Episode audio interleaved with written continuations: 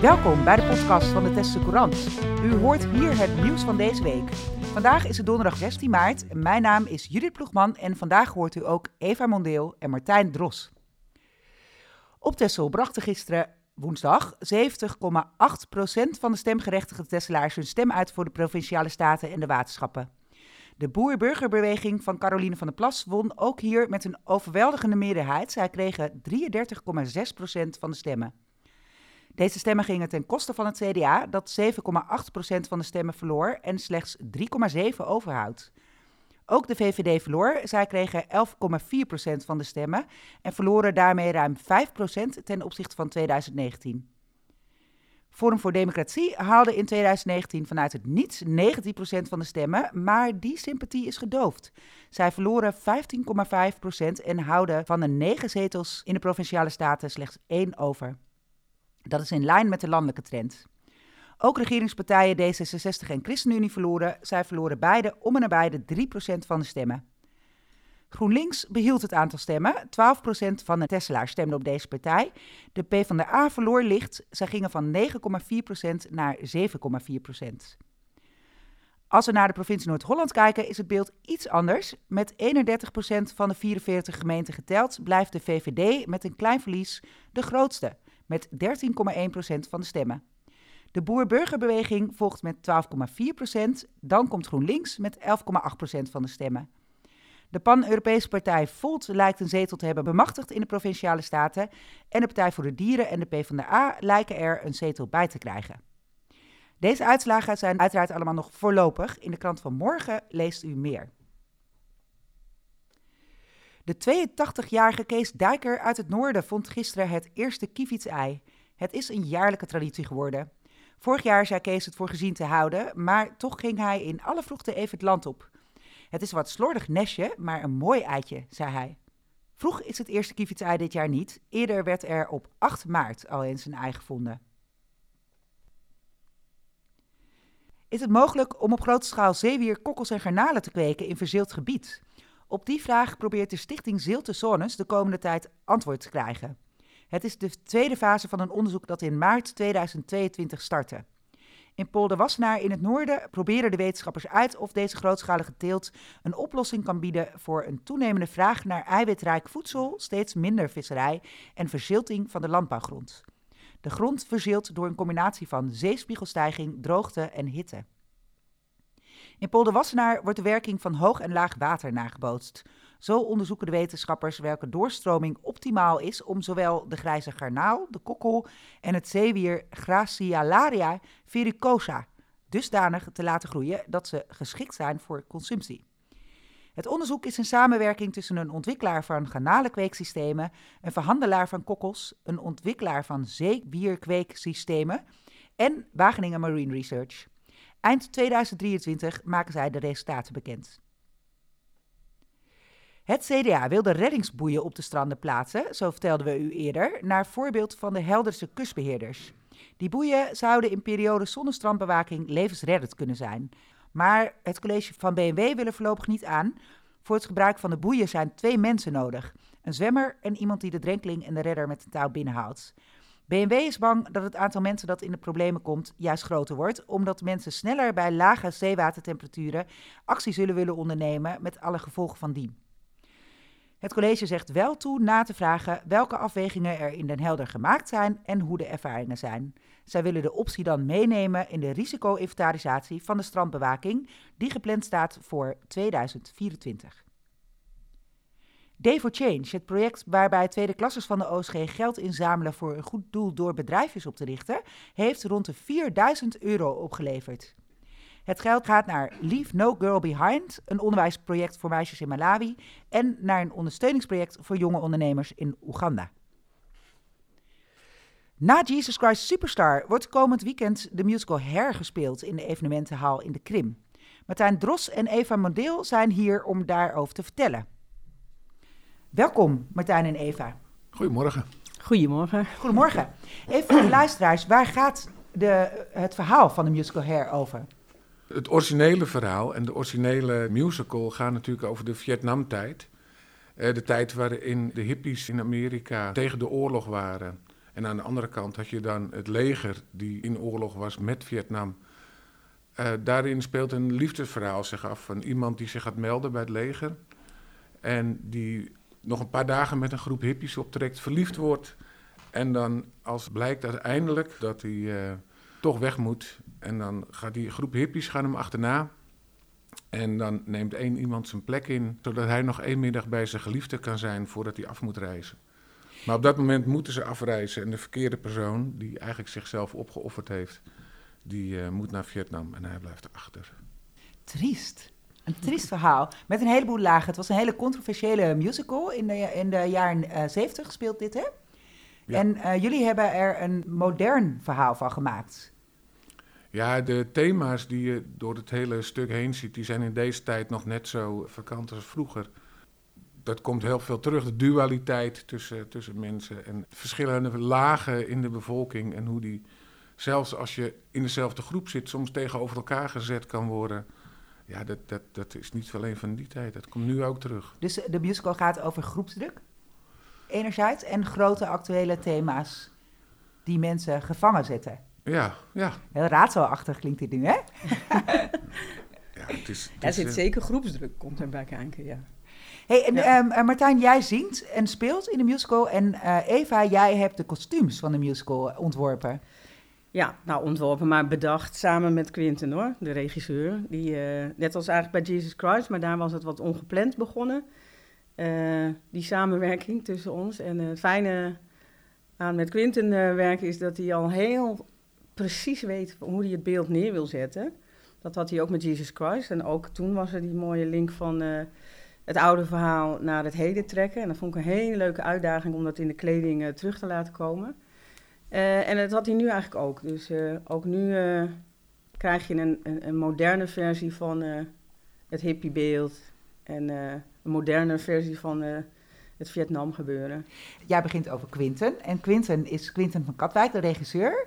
Die ook de regisseur was van Jesus Christ Superstar. Klopt. En Jesus Christ Superstar was een enorme productie van opvallend hoge kwaliteit. En dat geldt ook voor Hair, heb ik begrepen. Uh, Martijn, kun je daar iets over vertellen? Ja, dat kan ik zeker. Um, nou ja, in eerste instantie hebben we dat dus, denk ik, te danken aan de drie mensen die de leiding nemen in de musical. En dat is Mathieu Vulto, de oude muziekdocent hier op Texel.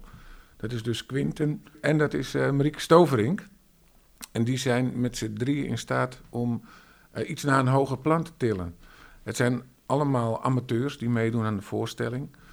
Maar die hebben allemaal zo hard gewerkt en zoveel geleerd. dat daarmee til je iets op.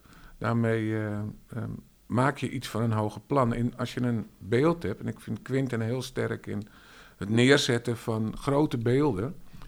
dan versterkt dat ook weer wat je doet. En daardoor komt het op een hoger plan, denk ik. In Jesus Christ Superstar werd gebruik gemaakt van een techniek die heet focal painting. Dat vond ik heel indrukwekkend uh, toen. Ik was daarbij en dat, daar wordt nu ook weer gebruik van gemaakt, heb ik begrepen. Ja. Kunnen jullie uitleggen wat het is, een van jullie? Ja, Martijn, want jij, jij zingt mee. Dus ja, kijk naar jou hoor. ja, de, de, uh, ik, ik, was ook net zo onder de indruk van jou, van uh, Jesus Christ Superstar. En dat was ook het moment waarop uh, ik dacht van, oh, dat moet ik ook ooit zoiets. Dat wil ik ook. En nu, uh, nu mag ik dat ook. Oh, dus voor, bij Jesus Christ Superstar was jij, zat jij niet bij de crew? Nee, nee en... ik, zat, ik zat in de zaal als uh, toeschouwer met mijn mond open, net als de rest. Zo van, wat, wat gebeurt hier? En hier moet ik bij zijn. Daarna liep ik naar buiten dat ik dacht, ach, wat was dit? Dit was, dat was onmogelijk. Zo goed. En dat wilde ik zelf ook. En mijn vrouw trouwens ook. En nu mogen wij beide meedoen. En uh, het, het, focal painting, want daar ging het natuurlijk over. Dat is het neerzetten van een, een klank, verschillende klanken en dan op te laten bouwen en af te laten bouwen. En harder te doen, zachter te doen. Uh, en elk gebaar wat Mathieu doet, heeft gevolg voor wat, de, wat het koor zingt. En daarmee maak je een soort klankboord. Maak je. Ja, als je dat ook nog kan versterken met microfoons, dan kan je een hele zaal ermee vullen. Ja, het is heel, heel indrukwekkend, een soort uh, kerk kerkkoor-kwaliteit krijgt het er bijna van. Dus in, in de, met dezelfde vervoering. Ja. Ja, kan ik me wat bij voorstellen. In, in Her is het niet echt, krijgt het niet echt die kerkachtige... Uh, wordt het meer in het, in het spaceje getrokken, denk ik. Ja, dat moeten mensen maar gaan zien. Eh, maar het heeft wel diezelfde kwaliteit. Maar het, is, het gaat dieper. Als, Ja, als, eh, het, het is heeft- geen, geen gospel. Het is geen... eh, Nee, het heeft bijna iets hypnotiserends, vind ik. Dat je echt helemaal erin gezogen wordt. Want ja, ik zing nu niet mee, maar af en toe zat ik erbij eh, voor de kleding. En dan grijpt je dat echt naar de strot. Dat, eh, Ja, ik, eh, toevallig sprak ik jou gisteravond erover. eh toen had jij de kostuums in actie gezien, hè, voor het eerst. Ja, En ook Dinsdag. een, een de generale repetitie eigenlijk gezien. En jij was diep onder de indruk. ja raakt, je, raakt hem helemaal. Tot tranen geroerd. Ja, zeker. En, en zeker door de hoge kwaliteit weer van de, van de zang en de muziek. Alles is gewoon live, hè. Ook, ook de, de band. Ja, het is echt eh, indrukwekkend. Het, het verhaal is aangepast op deze tijd. Kunnen jullie daar iets eh, over vertellen? ja, iets kunnen we wel... De kleine sluier kunnen we van de wel sluier oplichten. oplichten. Wat kunnen mensen verwachten? Ehm, dit- in deze tijd hebben we te maken met een eh, digitalisering. Dat is op de posters al naar buiten gekomen. Dus zover kunnen we wel prijsgeven. en het, eh, het gaat nu over de revolutie tussen de digitale wereld en de niet-digitale wereld. En eh, dat we eigenlijk, eigenlijk komen we denk ik op het, op het punt in ons leven waarop we langzaam ook weer een beetje terug naar onszelf moeten. En ik denk dat daar de voorstelling voor een deel ook over gaat. Ja, moeten en willen. Het is ook een keuze van een, van een groep mensen die die behoefte gaat voelen. En dat zie je eigenlijk ook gewoon in, in de realiteit. Als ik naar mijn dochter kijk, zo de twintigers, die bewust kiezen weer voor eh, het, het buitensluiten van het digitale. En gewoon weer terug naar het echte leven en elkaar en die verbinding. En dat, eh, ja, ik vind het echt mooi eh, hoe dat nog weer naar het nu getrokken kan worden met gewoon de nummers van toen. Ja, want het is de originele muziek van Gold McDermott. eh, en die is niet aangepast naar de tijd. Het is uiteindelijk dezelfde teksten, dezelfde inhoud. Dus voor iedereen die de musical eerder heeft gezien... of de film eerder heeft gezien... die kan ehm, Zo'n hart een ophalen. feest van herkenning Ja, hebben. feest in van de- de- Ja, en, maar voor, in sommige nummers zou misschien wel eens een woordje anders kunnen zijn. Daar Ah, moeten mensen oké. maar scherp op letten. We kijken wie het ontdekt. En Eva, jij vertelde dat er ook elementen van het verhaal verstopt zitten eigenlijk in de kostuums. Ja, die Vietnamoorlog van toen, dat is natuurlijk nu eh, een andere rol geworden, meer die, die digitale wereld. Maar ik heb in de kleding bijvoorbeeld wel eh, eh, stukjes camouflagestof is daarin teruggekomen bijvoorbeeld, om daar een soort link naar te maken. Nou, dat het eenzelfde, het is niet per se een oordeel, maar wel een beeld neerzetten van, doet het de wereld goed? Wat daar gebeurt? En dat komt terug ook in sommige mensen die dus twijfelen tussen hun rol. Wil ik nou bij die, die groep horen of bij die groep horen? En dat kan je dan in die kleding terug laten komen of laten verdwijnen. Dat soort accenten. Ja. Dus de kleding is eigenlijk deel van het totaalconcept. Zeker, maar dat is wel helemaal eh, aan Quinten, eh op, op Quinten's konto hoor. Die heeft dit helemaal, eh, had hij dit al in beeld. En het is leuk, ja, omdat ik met Jesus Christ samen met hem gewerkt heb, spreken we echt wel dezelfde taal, dat merk ik. Hij heeft een idee en ik kan er een beeld van maken. En dan, nou, dat gaat altijd heel soepel, dus dat is leuk. Ja, Dus de goede verstaander let niet alleen op ehm, veranderingen in de teksten, maar ook in de subtiele boodschappen die in de kleding verborgen zitten. zeker. Ja, ook een bepaalde uniformiteit die je dan die je eigenlijk bij beide groepen ziet van dat groepsgebeuren. Dat je die, die, die groep die eigenlijk dat digitale niet wil, die hebben toch ook een bepaalde uniformiteit in hun kleding en, en ze, ook weer zo'n groepsgebeuren. Ook al willen ze eigenlijk heel eh, individueel en eigen zijn. Ja, dat vind ik mooi. Heeft, heeft hij echt mooi bedacht, vind ik. Ik vind het mooi, vond ik ook van, eh, ik heb de musical, eh, her, niet de musical, ik heb de film hergezien. En het gaat eigenlijk over een hele jonge groep. Hè? Het gaat over een groep twintigers, eigenlijk jonge twintigers. Ehm, maar het is een heel universeel verhaal. Het is niet een verhaal van jongeren per se. Nee. Nee, eigenlijk is het een verhaal ook over eh, verbinding onderling en liefde en de mens. En ja, ook dat vind ik grappig dat dat terug kan komen in het stuk nu, dat er genderneutrale eh, thema's langskomt. Dat, kan, dat, dat is ook nog helemaal in dit stuk verweven. Dat Kun je zijn wie je bent, Ja, eh, ondanks je rol in een groep. ja. En, en, en man, vrouw, dat dat een soort neutraal wordt. Dat dat eigenlijk geen issue is. Grappig. Ik ben heel benieuwd. Martijn, welke rol speel jij? Ik ben, eh, ik ben een, een lid van de tribe, noemen we dat. Dus ik, ik ben echt koorlid. eh, en ik speel geen, verder geen hoofdrol of wat. eh. En die band, is, eh, eh, dat, is dat ook iets waar mensen auditie voor hebben moeten doen? Nee, volgens mij is het dezelfde band als Ja, in Jesus Christ. Ja. Ehm, Goed recept, nou goed oud recept. Ja. ja. Never change your winning team. Ja, precies. Nou, het is echt eh prachtig. ja, het zijn gewoon hele muzie- goede muzikanten. Dat is, eh, Hey, er zijn nog kaarten beschikbaar, heb ik begrepen.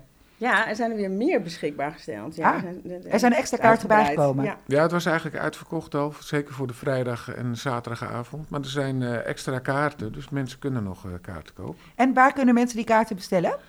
Eh, bij tesselproducties.nl en dan kom je op de site en dan wijst alles zichzelf, denk ik.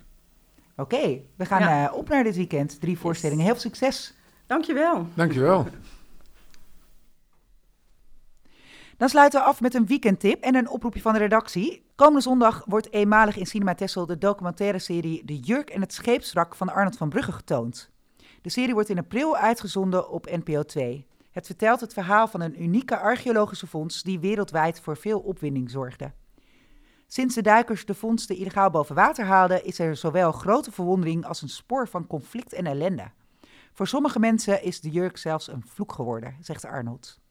Over twee weken hoort u er in de- deze uitzending meer over. Dan zit hij hier bij mij in de studio. De serie is zondag om twee uur te zien. Het zijn drie delen van 50 minuten en daarmee is het een middagvullend programma. De uitzendingen op NPO 2 zijn op 3, 10 en 17 april om tien voor half elf.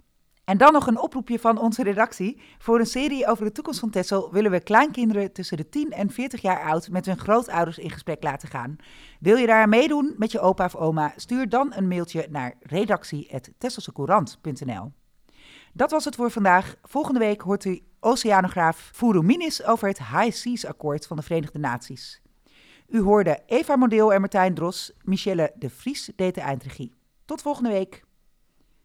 De Tesselse Courant verschijnt twee keer per week en staat steeds boordevol nieuws, reportages en achtergronden. Neem ook een abonnement op de lokale krant van Tessel. Kijk op www.tesselsecourant.nl voor de mogelijkheden. Bellen kan natuurlijk ook tijdens kantooruren op 0222 362 600.